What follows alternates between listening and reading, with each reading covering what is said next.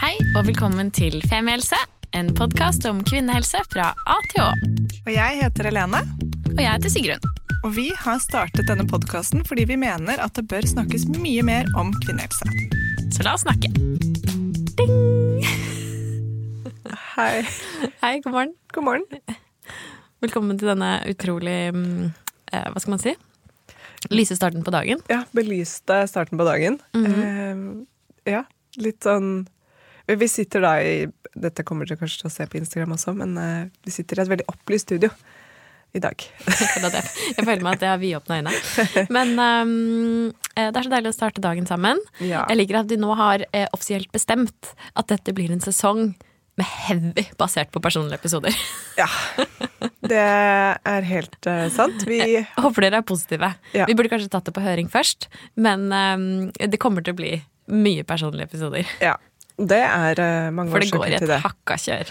Det går i et hakka kjør, og jeg um, Vi har ikke vi, vi, Det er så heftig å drive og organisere alle som skal komme. Det, sånn, det går skikkelig bra hvis du får sånn 'Hei, kan du torsdag 16.?' Og så svarer den som skal komme 'Ja, det kan jeg'. Og så hvis det da blir en liten skur sånn 'Nei, jeg kunne ikke allikevel', eller gikk ikke, så er det bare sånn 'Nei vel, da ble det aldri noe'. Nei, Det er det lost for evig og alltid. det var synd. Jeg må, jeg må videre. Ja.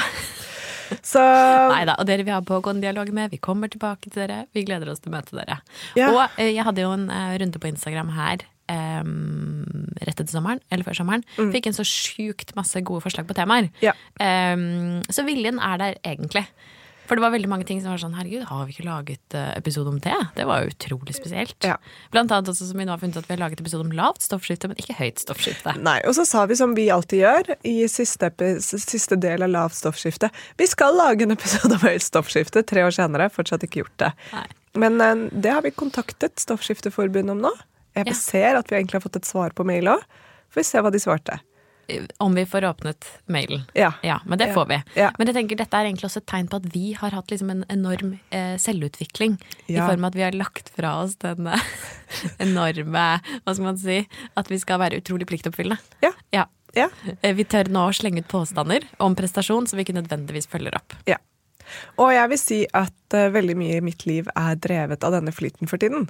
Så At- deilig. Ja, altså sånn Jeg, jeg kaller det liksom feminin flyt, jeg. At jeg ikke er så uh, opptatt av kalenderen min lenger, eller at den skal være smekkfull, er et viktig poeng for meg i hverdagen.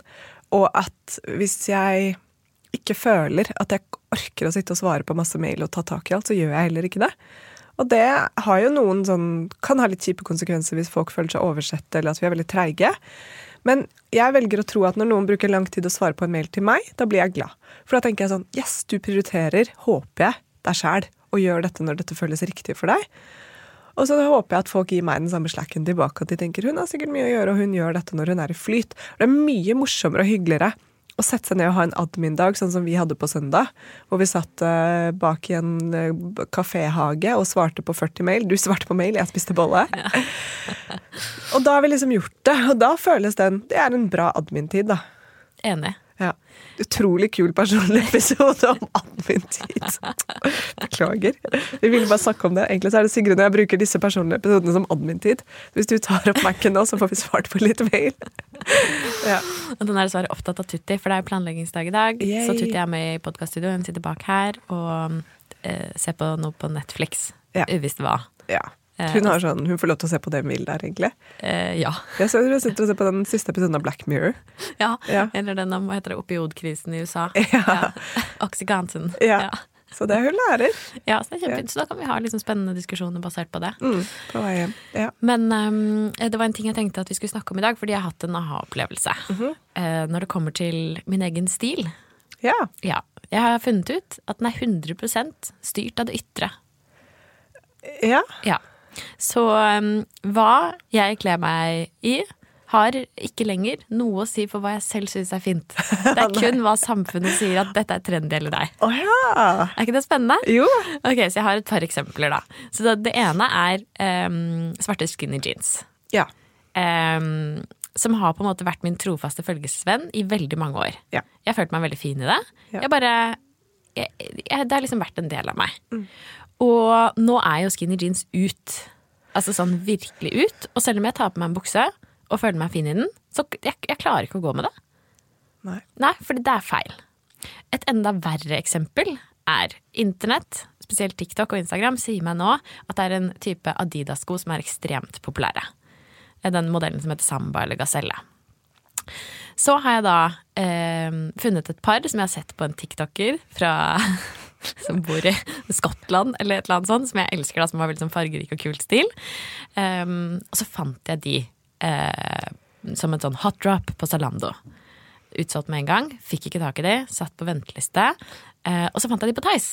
Mm. etter lang tid. Um, I akkurat min størrelse, uh, ubrukte nesten, til en veldig god pris. Jeg bare sånn bye. Ventet, ventet, ventet. Hun brukte litt lang tid på å sende de, hun som jeg kjøpte de av. Hun måtte gå dem inn først? Ja, hun måtte gå dem inn. Og så fikk jeg beskjed om at de hadde kommet i posten, pakket opp. En girspak. Hæ? Ja, sykt skuffende. Altså, du ble svindla? Jeg var så skuffa. Nei, det viser seg at det bare har vært litt uh, surr uh, fra fraktpartner.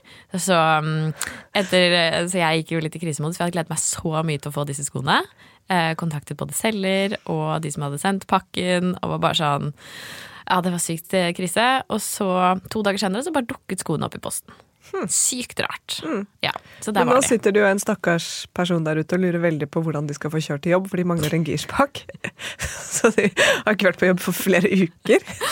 Ja, det, jeg beklager det på, det på det sterkeste. Og den, den girspaken har jeg sendt da, Ok, i retur. Og det som var også litt lettest, var at eh, sammen med denne girspaken så lå det en veldig kjærlig lapp. Nei. Ja, Uten jeg skal utlevere detaljer, så var den, den var veldig søt. så jeg håper virkelig at den har kommet fram til sin eier. Ja, ja. Um, nei, så kom, kom disse skoene, da, og jeg gledet meg så mye. Um, tar de på. Nei, de er stygge, altså. Ja. Ja, De er ikke noe fine. De, de passer ikke til meg. De er for flate. Ja. Jeg liker chunky sko. Jeg må litt opp, jeg må litt i bredden. Det, det, det funker ikke. Og så har jeg liksom Du vet liksom Jeg har romantisert dette inn i hodet mitt så mye. Jeg gleder meg så mye til de kom. Jeg skal ha de bare fordi alle har de, og fordi de så bra ut på hun skotten. Mm. Uh, det, går ikke. Og jeg vet jo dette om meg selv, egentlig. Ikke det, det, er jo, det er utrolig svakt. Ja, altså, eh, Når du sitter og snakker nå, det eneste jeg ser for meg, er at jeg har jo vært på besøk noen ganger på ditt kontor. Ja, Og du jobber jo bare med ganske unge, trendy mennesker. Ekstremt trendy. Ja, og jeg husker jo selv når jeg jobbet i reklamebyråer hvor trendfaktoren var høyere, mm.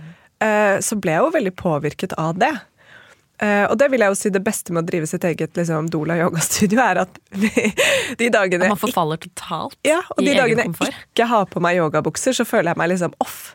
Da føler jeg at jeg, Sånn som i dag har jeg på meg jeans. Og da tenker jeg sånn, ok, men å ja, bra jeg har en yogabukse på, på studio, sånn at jeg kan bli med på en time hvis jeg vil. Ja. Men så jeg tenker jo, jeg skjønner jo veldig godt at du føler på det litt ytre presset, fordi alle rundt deg på jobb i de åtte timene du er der, er veldig opptatt av det også. Er det ja, ikke litt sånn? men samtidig, det som er på en måte absurditeten i dette her, er at det vi egentlig snakker om og er opptatt av på jobb, er at man ikke skal påvirkes av stilene fra de store mothusene. Ja, ikke sant? Ikke sant? Som er liksom sånn dyrk på en måte de tingene som til, eh, passer til din eh, kropp, kvalitetsprodukter, trender som Mm. går i syklus. Ikke dette her nødvendigvis. Nei. Det er det som er så rart. Ja. Hvor det- kommer det fra, da? Det, det det. Jeg tror jeg bare har et utrolig svakt indre. Som liksom er veldig lite motstandsdyktig for påvirkning. Eller, og så tror jeg du er observant, da. Fordi jeg plutselig bare en dag som gikk nedover Bukseveien, så så jeg veldig mange damer med kort, kort skjørt og cowboystøvler. Ja. Og så tenkte jeg sånn Ja, nå er det fadderuke. nå skal de på noe sånn, sånn barnparty et eller annet sted. Ja. Og så sa jeg det til noen, og så, nei, jeg har sagt med deg om det, og du bare 'det er veldig trendy'. Jeg bare 'å ja, så det er på ekte'? Altså, det de har ikke kledd seg ut?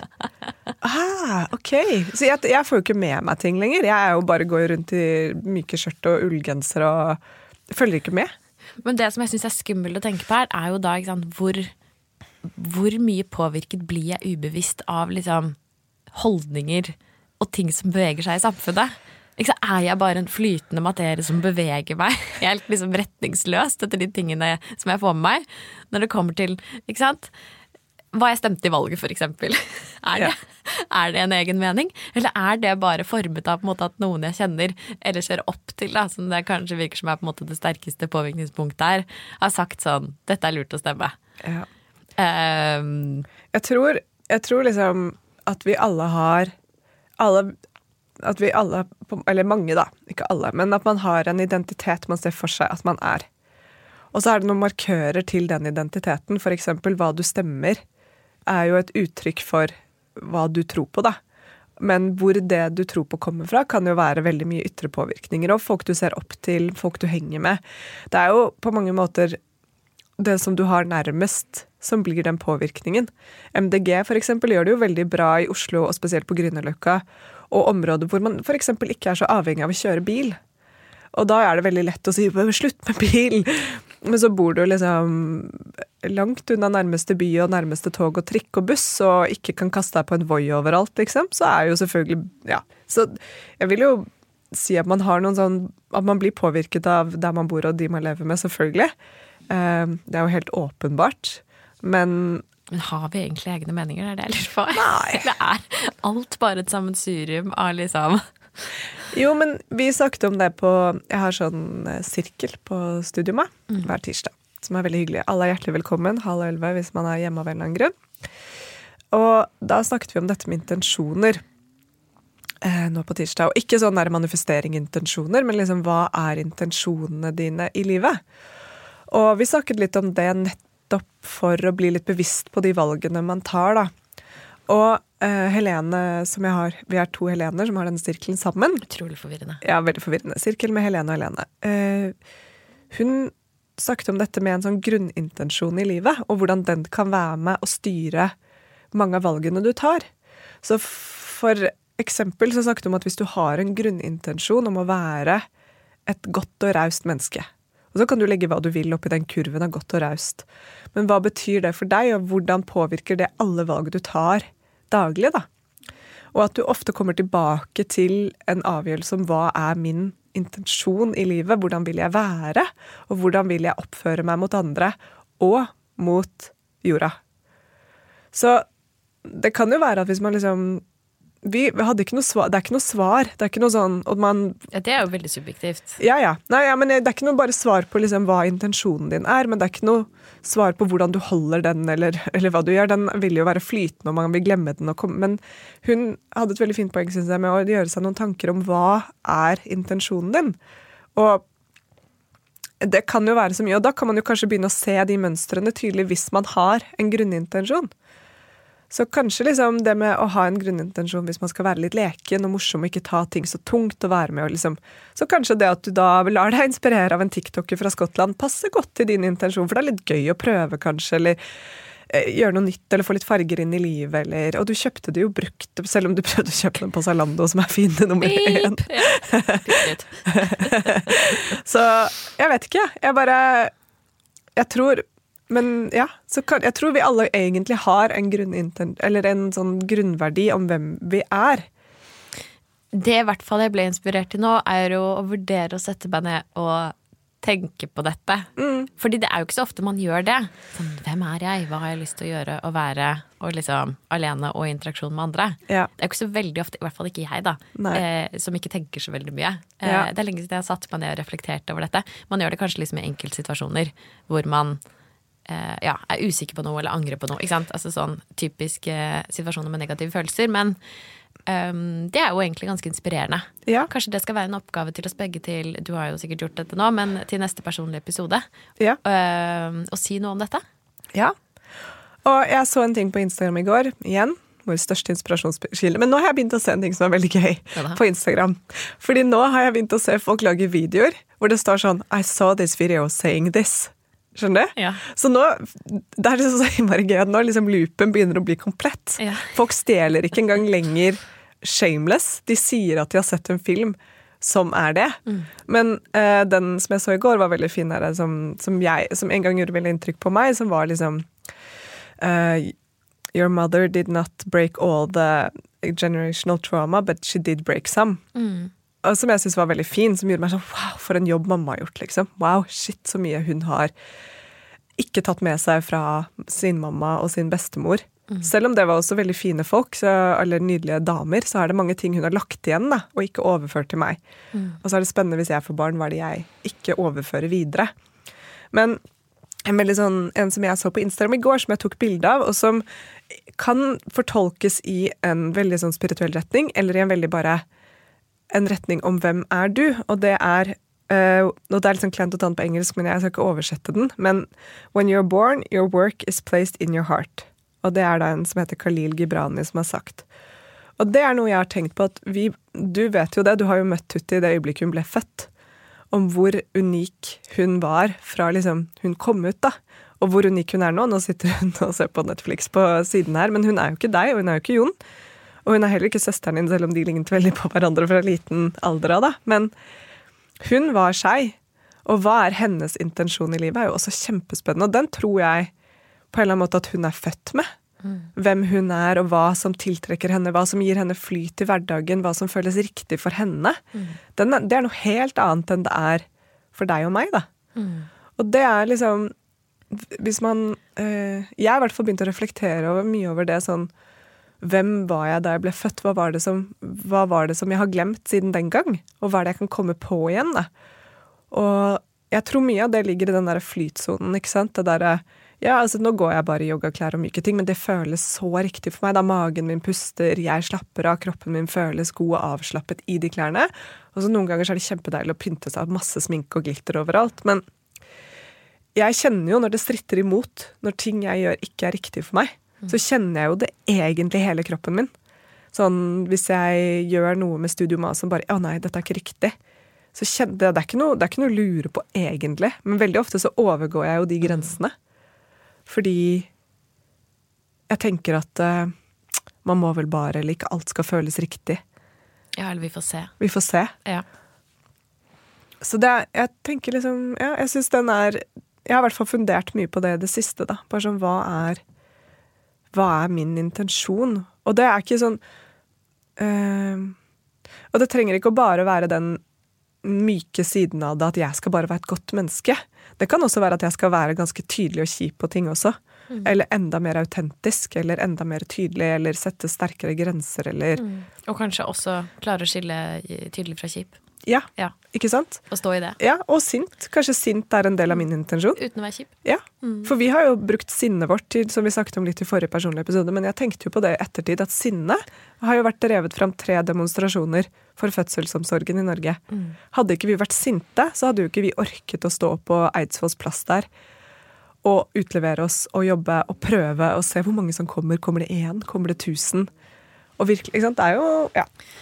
Altså Apropos Eidsvolls plass, jeg syns det var så fascinerende nå eh, som valget ligger bak oss, sånn hvor lite plass kvinnehelse og helse har fått. Ja, det er helt utrolig. Ja, jeg, det er, jeg skjønner ikke så mye som det engasjerer, da. Ja. Åpenbart blant liksom kvinner og menn over hele Norge, fagpersoner i alle sektorer, mm. at ingen ser på det som det liksom ultimate muligheten til å liksom brande seg på at vi skal bli best, ikke bare på kvinnehelse, men på folkehelse, liksom. Ja. Jeg, bare, jeg, jeg, skjønner ikke logikken i det. Og så var det Jeg hørte et intervju, intervju på radioen hvor det var en politiker som sa sånn Ja, så er det eh, Alle snakker om de tingene som folk bryr seg om. Utdanning og eh, Fader, hva var det? Eh, utdanning og en ting til som ikke var helse, i hvert fall.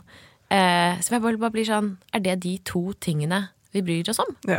Nei, eldreomsorgen var det ja, kanskje. Ja. Men uansett, og det er, jo, kan, det er jo helsesektoren, det. Men jeg bare blir helt sånn jeg, jeg, skjønner ikke at ingen øyner den muligheten og tør å gå inn i det. Det er jo sikkert fordi det er krever penger. Ja. Ikke sant? Som, Eller det krever, ja, det krever også en stor strukturell endring. Man ja, må gjøre om på helseforetakene. Man må gjøre om på tilbake til utdannelse, man må gjøre om på hele medisinutdannelsen. Mm. Man må gjøre om på mye, men det må jo gjøres. Ja. Jeg bare så superprovoserende med Erna Solberg, som går ut og sier at hun har hatt sin fair share av mensenperioder i livet og kommet seg på jobb. Takk til Frida Marie Grande og Endometrioseforeningen som tok tak i det og bare har dyttet det ut der. Men det er ekstremt provoserende. Uansett hva hun mente med det, så er det så provoserende. Det er jo som eh, Snille-Gucci, Kristiane eh, Aateigen så fint sa, at det er et giftig utsagn for alle kvinner. Ja, men det er det. For det er det, fordi det um, Det føles veldig nedverdigende, ja. syns jeg. Og um, ja, du fjerner på en måte eh, meningen, eller jeg vet ikke, tyngden hos alle de som, som sliter ja. eh, med kvinnehelserelaterte ting, som er en sånn herre Bare ta litt lett på det. Altså, Ja. Liksom, Nå skal vi ikke snakke om dette, jeg vet det, men den intensjonen, hva var intensjonen hennes med å si det? Hva tenkte hun at var bra? Hvem er det hun da spiller opp til? Hvem er det hun prøver å få på lag? Eller hva er det hun, hva er det hun vil med det utsagnet? At alle som har endometriose, adenomyose eller av en eller annen grunn har sterke mensensmerter, skal kjenne på at de skal ta seg sammen og gå på jobb uansett. Altså, jeg skjønner det ikke. Jeg føler da at hun frir til politikere og andre som i utgangspunktet syns at dette er slitsomt å ta tak i. Ja. Eh, fordi da sier hun ja, enig, vi dropper dette i denne runden, vi fokuserer på noe annet. Ja, Men det er nettopp det som er med kvinnehelse. At det er slitsomt å ta tak i. Ikke sant? Fordi det er stort, og det er diffust, og det peker på en strukturell eh, feil. Ikke sant? Det, det peker på at samfunnet vårt er bygget opp feil. Jeg syns eh, eh, Historisk morskapskontoen snakker så, dere må sjekke den ut hvis dere ikke har sjekket, snakker så mye bra om dette, om hvordan det å være mamma og bli mamma ikke blir verdsatt i det hele tatt. Madeleine Schulz har også kommet med en kjempebra bok om dette nå. Og det er liksom det, er, det, det stikker så innmari dypt, da. Uh, og det er, det, er liksom, det er som at vi henger igjen, ikke sant? Og det, vi må ta noen skikkelig sånn røsk for å få tak i hvor er det det kommer fra. Og hvem er det som tror at altså sånn, har hatt mye greie med magen osv., men en ting jeg leste som ga meg litt sånn håp en gang, var at det er en del av en naturlig sunn kropp å være syk. Og det er jo sant. ikke sant? Vi blir alle forkjøla og syke, og så er det noen av oss som går over kronisk sykdom. Da er det ikke naturlig lenger. Og da må vi allikevel, Men det er allikevel del av det å ha en kropp. Så jeg skjønner ikke hvorfor vi skal undergrave det at kropper blir syke, fordi kropper er kjøtt og blod som blir syke. Og det må det, det, liksom, det er helt sprøtt at det ikke prioriteres, og at det liksom tar så lang tid. Jeg leste også en forskning eh, som kom i 2022, som sier hvor det er eh, Jeg tror det var noen svensker på, sikkert på Karolinska, som er Eneste sykehuset vi kan ta. Nei, men som da hadde sett på dette med eh, koffein hos eh, gravide, Ja. og kommet frem til at det sannsynligvis ikke har noen skadelig effekt på fosteret. Ikke sant? Eh, som er jo veldig fint for gravide som ønsker å drikke kaffe. Og, men på en måte det som jeg syns var litt sånn rørende med den artikkelen, da, var at nederst så diskuterte de da eh, deres på en måte bekymring for helsefaglige råd som i utgangspunktet ikke var eh, grunnet i kunnskap. At vi gir veldig mange råd. En ting er til gravide, men liksom til mennesker generelt sett. Da. Og jeg tenker sånn i hvert fall i en fase hvor man er gravid og er redd for å gjøre noe galt for seg selv og for fosteret. Eh, hvor man følger disse rådene så slavisk, om det er at man ikke skal spise salami og ikke drikke kaffe og ja, gjøre ditt og datt. Um, hvor det ikke nødvendigvis er på en måte grunnet i, i sannheten. Ja. Um, som er jo eh, veldig trist. Og det er jo det som er så kjipt med kvinnehelse, er at eller ikke med kvinnehelse, men, men systemet rundt kvinnehelse, er at veldig mye er jo som du sier, ikke sant, det er, det er basert på gammel forskning, utdatert forskning, eller at man ikke vet, fordi man har ikke turt å En forske på det. Ja. ja. Og det, det gjør jo at vi som har lyst til å lene oss på forskning, også blir litt sånn ja, men det er jo ikke forsket på, så vi får jo bare prøve oss fram, da. Mm. Og begynner å tro på liksom Eller må tro på veldig mye alternativt for at man skal finne ut av sin egen kropp og helse. Og det var jo også argumentasjonen her, da, eh, selvfølgelig. At eh, det har vært vanskelig å forske på, men at man nå jobbet med metoder med eh, mer skånsom forskning på kvinnehelse, hvis jeg ikke husker feil, som da i større grad liksom baserte seg på genetikk og ja, Ja. andre typer ting.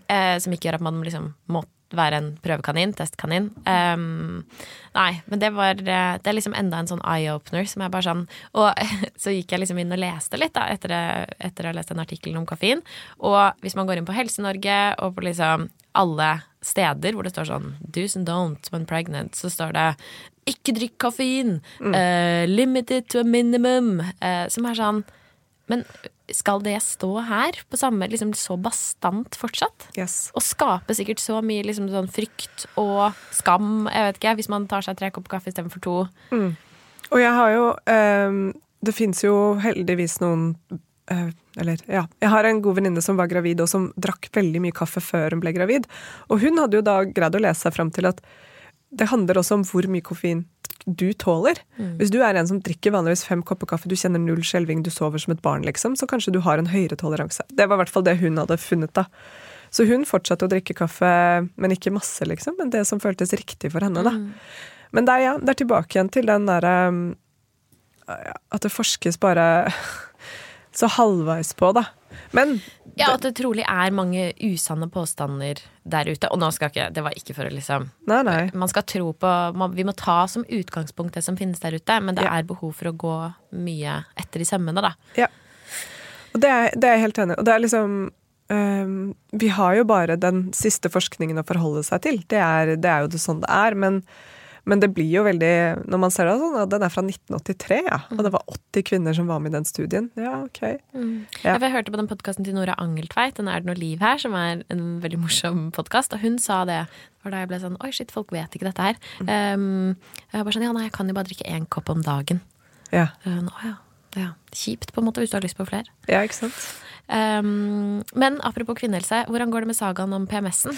Fordi når vi møttes på søndag, så var det jo Da var du ytterst spesiell status. Ja, da var det ytterst spesiell status. Eh, da var jeg sliten, tror jeg bare. Egentlig. Men Nei, da, du hadde jo hatt en kjempelang syklus uten PMS. ja, det er akkurat det. Og så var jeg litt sliten da, da. Jeg vet, husker ikke, jeg prøver bare Hvor var jeg? Hva jeg følte? Nei, altså eh, Ja, sagaen er at jeg nå er på dag 38, og jeg har tatt negativ graviditetstest hvis noen sitter og bare oh, ja, men da er det det. Og jeg ser jo over i, i appen hvor jeg registrerer dette, at det er jo heller ikke uvanlig for meg at det plutselig kommer sånn 40 dagers sykluser. Um, men jeg har ikke PMS. Jeg er flat, rolig, godt humør. Eh, til stede i meg selv. Veldig sånn alt Det som er forskjellene, som jeg nå kjenner Fordi jeg har jo hatt irritasjonsmomenter og vært sur og sliten og grått og alt mulig, men det kjennes som meg. Ja. Det kjennes ut som det bare er vanlige følelser som kommer og går i løpet av en dag. Du er ikke tatt over en demon? Nei. Nei. Så jeg, det er veldig interessant, for dette er første kanskje syklus på lenge hvor jeg får lov til å kjenne på den forskjellen. Hvor jeg nå liksom går og lurer på sånn når kommer PMS-en, men og når det kommer noe som er at jeg blir irritert på noen i nærmiljøet, liksom. Så bare sånn, ja, men dette er jo meg. Dette er jeg som faktisk reagerer på noe og må sette ord på det. Det er lov å bli irritert. Liksom. Ja, ikke sant? Dette er ikke den derre du puster, kan du gå ut av rommet, liksom. Dette er ikke den derre nå flytter jeg til Costa Rica, farvel, vi snakkes. Så det har vært veldig interessant. Og så sendte jeg ut en uh, Unnskyld at jeg snufser litt, jeg er litt forkjøla. Jeg sendte ut en melding til, um, til dere som lytter, eller Sigrun gjorde det siste episode om si fra. Eh, eller vi gjorde det. Si fra hvis noen har blitt kurert for PMS-en sin. Ja. Uh, og da fikk jeg en veldig interessant melding for to dager siden. Okay. Ja. Og uh, nå er vi litt sånn Sigrun og Eller vi, jeg, vi snakker jo litt imot hverandre her noen ganger på hva vi tror på forskning, og hva man prøver på seg selv. Ikke sant? Så uh, jeg vil bare liksom si det at jeg er jo ikke alltid 100% ærlig med alle kosttilskudd og alt alternativt jeg holder på med. Fordi jeg er desperat over å kurere PMS-en min, og fordi veldig mye av det ikke er backet av forskning, men at det er noe jeg bare prøver fordi jeg desperat prøver å finne en løsning. Og det tror jeg helt eh, fra bunnen av mitt hjerte at veldig mange av dere som har en, en langvarig tilstand som tar livskvalitet fra dere, blir med på den karusellen, dessverre. Og det er også en av grunnene til at vi liksom kjemper for bedre forskning på ting, er nettopp for at vi skal slippe det, og heller bli tatt vare på av et, et, Og et godt system. holistisk offentlig eh, helsevesen Yes. som Ja. Ser hele deg. Så eh, teorien på Du eh, fikk en melding. Jeg fikk en melding. Og det hun skrev som var veldig interessant, var at um, Og dette her er jo alternativt, men det er ikke like alternativt i USA. For der er det forsket mer på. Men det er et syndrom som heter leaky gut syndrome, som er jeg har lest meg litt opp på det. Det fins noe forskning på det, og det det er, er at tarmveggen har blitt såpass slitt at den slipper ut antistoffer. Altså at tarmen lekker inn i blodet, som gjør at du reagerer på matstoffer på en annen måte. Dette er jo noe et syndrom jeg har hørt om de siste ti årene, og ikke egentlig tatt seriøst. fordi du kan også google det at det er helt useriøst. Det eksisterer ikke. Tarmene dine kan ikke bli tynnslitte, og det kan ikke lekke ut i blodet. Og så er det annen forskning eh, som jeg til og med leste en, en rapport som var sånn jo, det begynner man å tro på mer og mer. Men her igjen, eh, her sitter jeg virkelig ikke Men nå bare videreformidler du. jeg bare videreformidler. Og at jeg vet ikke engang selv om jeg tror på det, for jeg er, ikke, jeg er ikke lege, og jeg kan ikke noe om dette, men det er teorien. Og det hun fortalte meg, hun fantastiske dama på Instagram, da, for jeg vil uansett bare takke henne for at hun sendte inn den meldingen, var at hun har hørt på Femihelse i mange år og jeg reflekterte over at vi har mange av de samme symptomene. Mye problemer med magen og mye problemer hormonelt. Men hun endte opp som sengeliggende. Altså rett sånn kom seg ikke opp lenger, og sykemeldt og ufør. nærmest, da. Og moren hennes og hun ble til slutt så desperate, som jeg kjenner meg igjen i, at de bare ok, vi prøver det siste som koster penger, og det var å gå til en person som kunne ta blodprøver og sende til USA for dyrkning for å se om du hadde antistoffer i kroppen. For å se om det var noe mat du ikke tålte. Hun fikk tilbake da at det var en rekke matvarer hun ikke tålte, eh, som hun da kuttet ut. Og så bygget hun opp tarmen ved hjelp av holistiske naturmedier med, sånn, med kosthold og med tilskudd. Og nå to år senere så er hun frisk og har begynt å innføre all denne maten igjen, og det går bra. Så det hun sa som var den store forskjellen på det jeg prøvde på, og det hun gjorde, var at du slipper den eliminasjonsdietten fordi blodprøvene svarer på det for deg. Og det er jo liksom Igjen, dette er jo ikke forskningsbasert. Dette er én person som har én opplevelse. Dette, hvem vet, kanskje hadde hun, hun, blitt frisk uansett, liksom? Eller kanskje det var troen på det. Det kan være masse placeboeffekten. Men jeg syns det var veldig interessant å lese at ok, det har funket for henne. Og hvis noen hører på denne podkastepisoden om 20 år, så send meg en melding hvis dette er nå forskningsbasert. Ikke sant? Ellers er det bare sånn en, en, sånn ting man bare Å, herregud, tenk at vi satt og sa Jeg satt og sa dette høyt på Femmils. Det var jo bare tull, ikke sant? Men dette er den loopen jeg havner i når jeg har vært så mye dårlig som jeg er, så blir jeg helt sånn desperat. Så nå har jeg veldig lyst til å dra, ta disse blodprøvene selv. Fordi det gjør at den eliminasjonsdietten jeg ikke trenger å utsette meg selv for det, bli kjempetrigget av det, og legge om hele kosthold og livsstil, og ja. Og så heller kanskje få et svar på om blodprøvene eh, mener at jeg må ta en pause fra noen matvarer. Ta, og det er det. Det er ta en pause. Ja. Så Men jeg skjønner at desperasjon eh, driver folk til uh, alternative veier. Ja. Det er jo, har man jo lest mange og sett mange eksempler på folk som forsøker å spise seg friske fra kreft f.eks. og andre alvorlige sykdommer. Ja. Jeg skjønner det. At uh, desperasjon og et ønske om å unngå måte, invasive eh, tradisjonell behandling. Ja, og ikke bare det, men ikke sant, hvis du øh, Hvis du har en sykdom, så er det jo veldig Altså øh,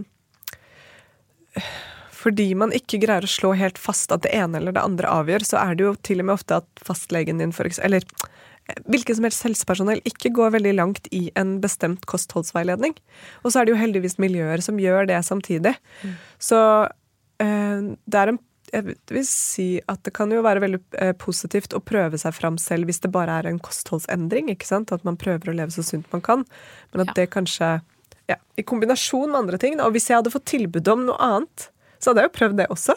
Hvis legen min var sånn Her, dette gjør at du kommer til å få en hormonell balanse. Mm. Så hadde jeg jo sagt så fint, da gjør jeg det. Ja, Problemet det, er jo bare at ikke den kunnskapen fins. Liksom. Nei, den fins ikke, men jeg er sikker på at det fins en måte. Teorier. Ja. Ikke sant? Det fins en måte å komme ut av dette på. Men i Norge, per dags dato, så er det jo bare demping av symptomer. Enten mm. via antidepressiver eller hormonell prevensjon. Og så kan man jo si at det med en hormonell prevensjon er en løsning hvis den funker for deg, er en mm. behandling. Og det samme med antidepressiver hvis den funker for deg. Men hvis det ikke funker, så står du jo ganske på bar bakke. Og det er jo også interessant at hvorfor har jeg den hormonelle ubalansen? Mm. Den får man jo aldri svaret på. Det er jo å putte noe på toppen av et problem. Mm. Og hvis, ja, og hvis mm. det funker, supert. Men hvis det ikke funker, så står du jo fortsatt igjen med det åpne såret uten at noen har greid å liksom mm. sette riktig sting på det, da. Mm. Så ja.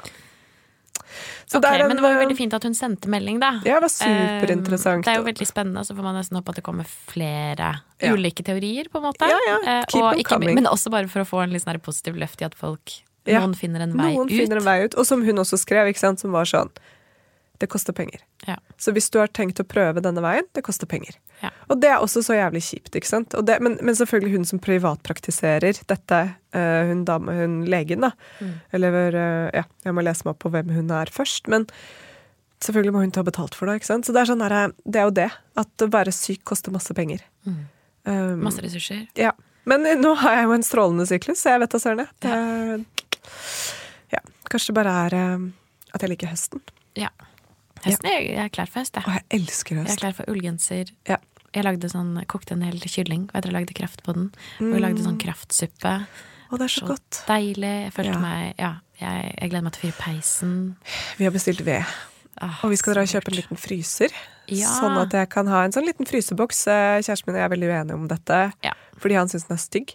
Men jeg er sånn, men tenk så mye supper og gryter og digg vi kan ha der. Sykt. Som gjør at når man er sånn kjempesulten etter jobb, ikke må lage middag. Man kan Ja. bare ta opp av fryseren. Næringsrik, deilig mat. Nei, det er så lurt. Ja. Kan vi også gi en liten shout-out til Tutti, som sitter helt stille nå Så vidt vi vet. Ja, så vidt vi vet. Men snart 40 minutter har hun sittet stille. Jeg vet det. Hun er jo dypt inne i opiotkrisen nå. Shout out! Nei, nå skal vi gå ut og fortsette den planleggingsdagen. Ja. Jeg må spise frokost, for jeg holder på å dø Ja. av sult. Jeg blir med. Bra. Hva skal vi ha? Em, jeg har med skive med gulost og paprika. Å ja, du er sånn, ja. Jeg er en matpakkeperson. Ja, det må jeg også bli. Um, men uh, vi snakkes. Jeg gleder meg. Ha det. Ha det. Tusen takk for at du hørte på podkasten vår. Selv om det forhåpentligvis kommer tydelig frem, så vil vi understreke at vi ikke er helsepersonell. Ja, så som vanlig, kontakt legen din om du har noen spørsmål, eller om du skal begynne på noen form for behandling. Og har du et tema som du har lyst til at vi skal snakke om, eller noe ris eller ros, så send oss gjerne en melding på Facebook eller på Instagram. Der finner du oss under Femihelse. Og du kan gjerne rate oss på iTunes, det er skikkelig hyggelig for oss. Ha en fin dag! Ha en kjempefin dag!